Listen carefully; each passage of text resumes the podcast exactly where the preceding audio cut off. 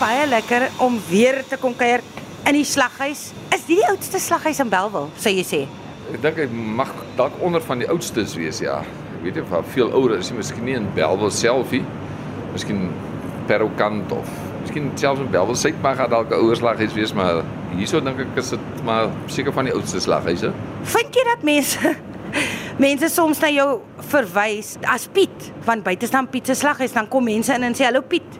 Baie, baie sê Piet en nou ek reageer en sê ek, hallo, yes, hoe gaan dit? En of anders sê ek eh, dan sê my vrou hulle baie keer reg op sê nee, dis nie Piet, dis Jan. Dan sê ek man, dis Jan Piet, Piet Jan of sê maar net wat jy wil. Sit net jou geld in neer vir die uitstap. Kan ek jou vra hoe het COVID jou besigheid geaffekteer? Nee, ek glo self dit het dit het 'n impak gehad. Buiten dat ons is daarom geseënd geweest dat ons ons nou 'n noodsaaklike diens gewees so ons kon oop gewees het. So ja, in die in die dag die dag voor Covid, voor die lockdown, het ek nog die grootste turnover gehad in die 21 jaar wat ons nou is want weet ons het begin die 2de Maart 2002. So ons is nou amper mondig. Dit wil nou nogal gedoen wees, maar jou geskiedenis het jy begin by vleisie. Nee, nee, glad nie. Nee, dit is ek is uh, uit noodsaak het ek in die vleis vleisgame beland. Weet ons het nou ons maar ook soos ons ons was ons maar op skool en dat jy nou maar so 'n bietjie gaan studeer na die tyd en dan het uh, is haar wie en seuns jongens ook nader gehark vir nog 'n 2 jaar. En ja, en toe ek uh, daarna het ons nou ons maar gaan werk. Soos die grootste gedeelte van Belwel het ons maar by een van die groot versekeraars eintlik gaan werk. So ja, daar het ek gewerk uh, vir 'n paar jaar en ja, die af van die saak weet is ek toe nou na 'n nuwe divisie of een van die ander divisies toe in die in die in die holding groep eintlik en ja, en hulle gaan outsource toe die funksies en ja, toe ons nou nie 'n job hier, jy weet. Ja, toe ek begin met so 'n klein biltong winkeltjie in een van die uh winkelsentrums naby ons en uh ja, sê vir 3 jaar wat ek al sê nee, maar hierdie ding is hierdie hele konsep hier gaan gaan nou bietjie te gronde gaan. Maar toe die perseel beskikbaar gekom en toe ek en die Piet, waar die Piet se naam vanaf kom wat in Okanja in Windhoek is. Hy wil ek amper sê sê toe ja, daar iets wat ons kan saam aanpak. Want dit is die perseel beskikbaar en dit ons nou maar hier begin, maar ek begin maar ek ken niks van van die goeie eintlik, veral van die varsvleis kant weet ek niks. So so het ek maar geleer en jy stel nou maar mense aan wat bietjie meer weet as jy en dan kom jy maar agter, maar so steel jy nou maar met die oog heeltyd. Ja, so eventually weet het ek dit nou so al onder die onder die knie gekry dat ons dit self kon doen. Swem of versuip, jy weet, een van die twee, jy weet, maar wat die eerste jaar was maar taaf geweest, jy weet, en my ouma het altyd vir my gesê, my kind, jy kan moedeloos raak, maar net nie moed verloor nie. Jy weet, en daai woorde sal my Bybel tot die dag wat ek dood. En na eerste jaar was jaar jaar 'n bietjie was maar taaf want jy weet, jy begin 'n besigheid en jy het nie een kliënt nie. Buiten die straat wat voor die besigheid verbygaan is redelik besig. So ja, so dit dit aan die een kant het ook 'n bietjie 'n uh, uh, uitwerking gehad dis dan die straat is besig, maar jy het nie een kliënt nie. So het ons maar die ding stelselmatig gebou, gebou en gebou, jy weet, en net voor die vleis van die akka val in die koelkamer en sag ek maar op, jy weet seker vir maak maar vir ons 'n kerrietjie of so ietsie. so want want die vleis verkoop ons so stadig. Jy het dan so min kliënte. Maar nou wil jy ook nie sonder vleis hê as jy dalk 'n kliënt het kom en hy soek iets wat jy vir hom aan jy uitstuur. Maar wat is jou vleisding? Ja, wat jou raad? Ja, kyk, die ding is die vleis ding kyk buite laat ons ons nou redelik groot is in die in die biltong en drawers en ons dis mos ook 'n master importer, weet jy, ons skryf produk uit Namibië in wat ons nou maar hierdie kant weer aan die publiek voorhou en so aan. Ons draai uit ons steaks sodat dan om ten minste 14 21 dae vir al die ram steaks en sirloins voordat ons dit nog van die been afhaal. So ja, jou smaak is anders, hy's beter mature, so hy's sagter. Ja, en natuurlik uh, weet ek glo ons nou soos 'n steekie, jy weet, jy maak hom so ook nie dood nie. Jy weet 'n goeie As jy hom braai. Ja ja ja, kyk 'n goeie veearts moet hom nog kan deurhaal as as jy klaar is met hom. So ja, so medium medium rare is reg. Ja, nou is maar goed dat jy nou bietjie gader moet maak, maar soos varkvleis die ou mense ons altyd te glo, o nee, die ding moet dood gaar gemaak word. Dit is nie nodig nie. Nee. Nee nee nee nee nee, regtig? Nee, nee vark kan maar nog, hy kan maar nog sappig wees. Maar kyk, daai jare het die vark mos masels gehad en ook in wurms en al wat se dinge. So die ding moes doodgehaar gemaak word. So nou dis dat nee wat ons vleis se gehalte is so goed, jy weet, na soveel keuringsvereistes en goed, daar kan nie regtig fout kom nie. So so jy nou vir jou 'n vark lende choppy wil gaar maak, hy kan maar nog so klein bietjie sapperig sapperig in sy binnekant wees. Sal nie verkeerd wees nie. Dis is snaaks dat jy jy het ook op 'n koel opgeëindig in Namibië dat jy nooit daar gebly het en dan dalk daar met die vleis ding doen na geraak het nie. In in in teendeel nê, nee, ek is mos nou eintlik 'n Kaapenaar, gebore en groot geraak.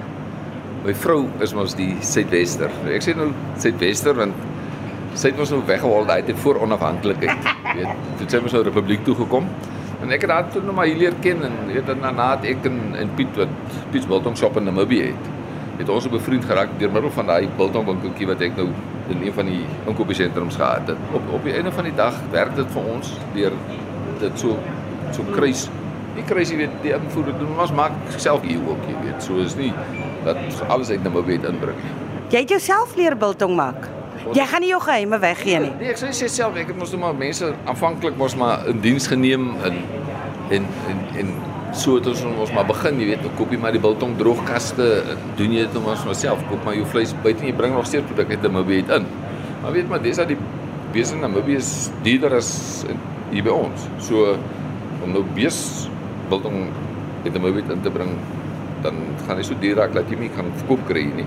So daarom maak ons onsself maar ek het die geheime resep Ooh, van Piet wat Piet biltong shop gehad het, het ek. So dit gebruik ons om ons biltong mee te maak. en wat is daai resep? Nee, is net is net baie eenvoudig. Dis koriander, sout, bietjie breinsuiker Asyn. en, en en ja, asyn ons ons sprinkel ons maar bietjie asyn op die vleis ook. Maar dit is 'n ou kom ek sê 'n ou boere resep net. En dan sit ons nog maar so bietjie ietsie in net om te keer dat die biltong jy moet uh, muffie veral in die Kaap want die klimaat is mos anders. So uh, ja, so dit is die ou boere resep van sout, peper, suiker. By die wild sit ons 'n bietjie naaltjies op goeders by, maar nie by die besie en koriander. Nou, maak jy jou eie geure of of as jy 'n soutman, jy gooi net sout oor 'n stuk vleis en dis dit. Okay, baie mense glo so net aan 'n sout en pepertjie, maar ag weet jy kry ons nou deesdae daar is soveel verskeidenheid van spesery. Elke ou het nou ons maar sy eie smaak van hoe hy dit wil hê. Maar ek het een spesery wat besonder is en dit is 'n Duitse vrou se resep. So 'n koppie spesery by haar aan.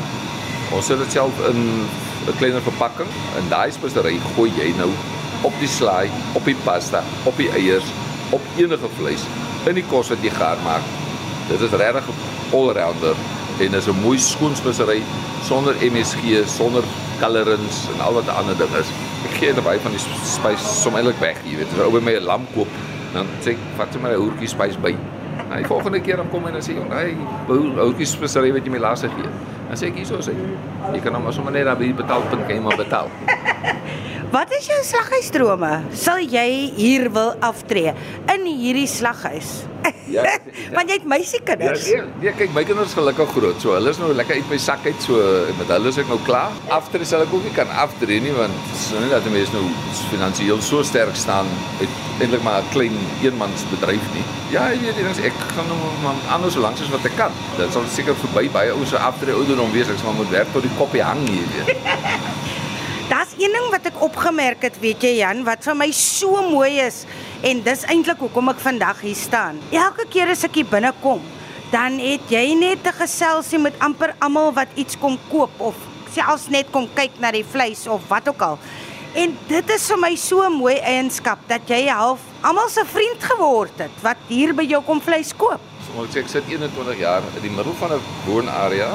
Weet jy, hierso het ek kinders sien groot raak wat nou vandag al weer kliënte van my is wat se pa en ma of oupa en ouma kliënte van my was.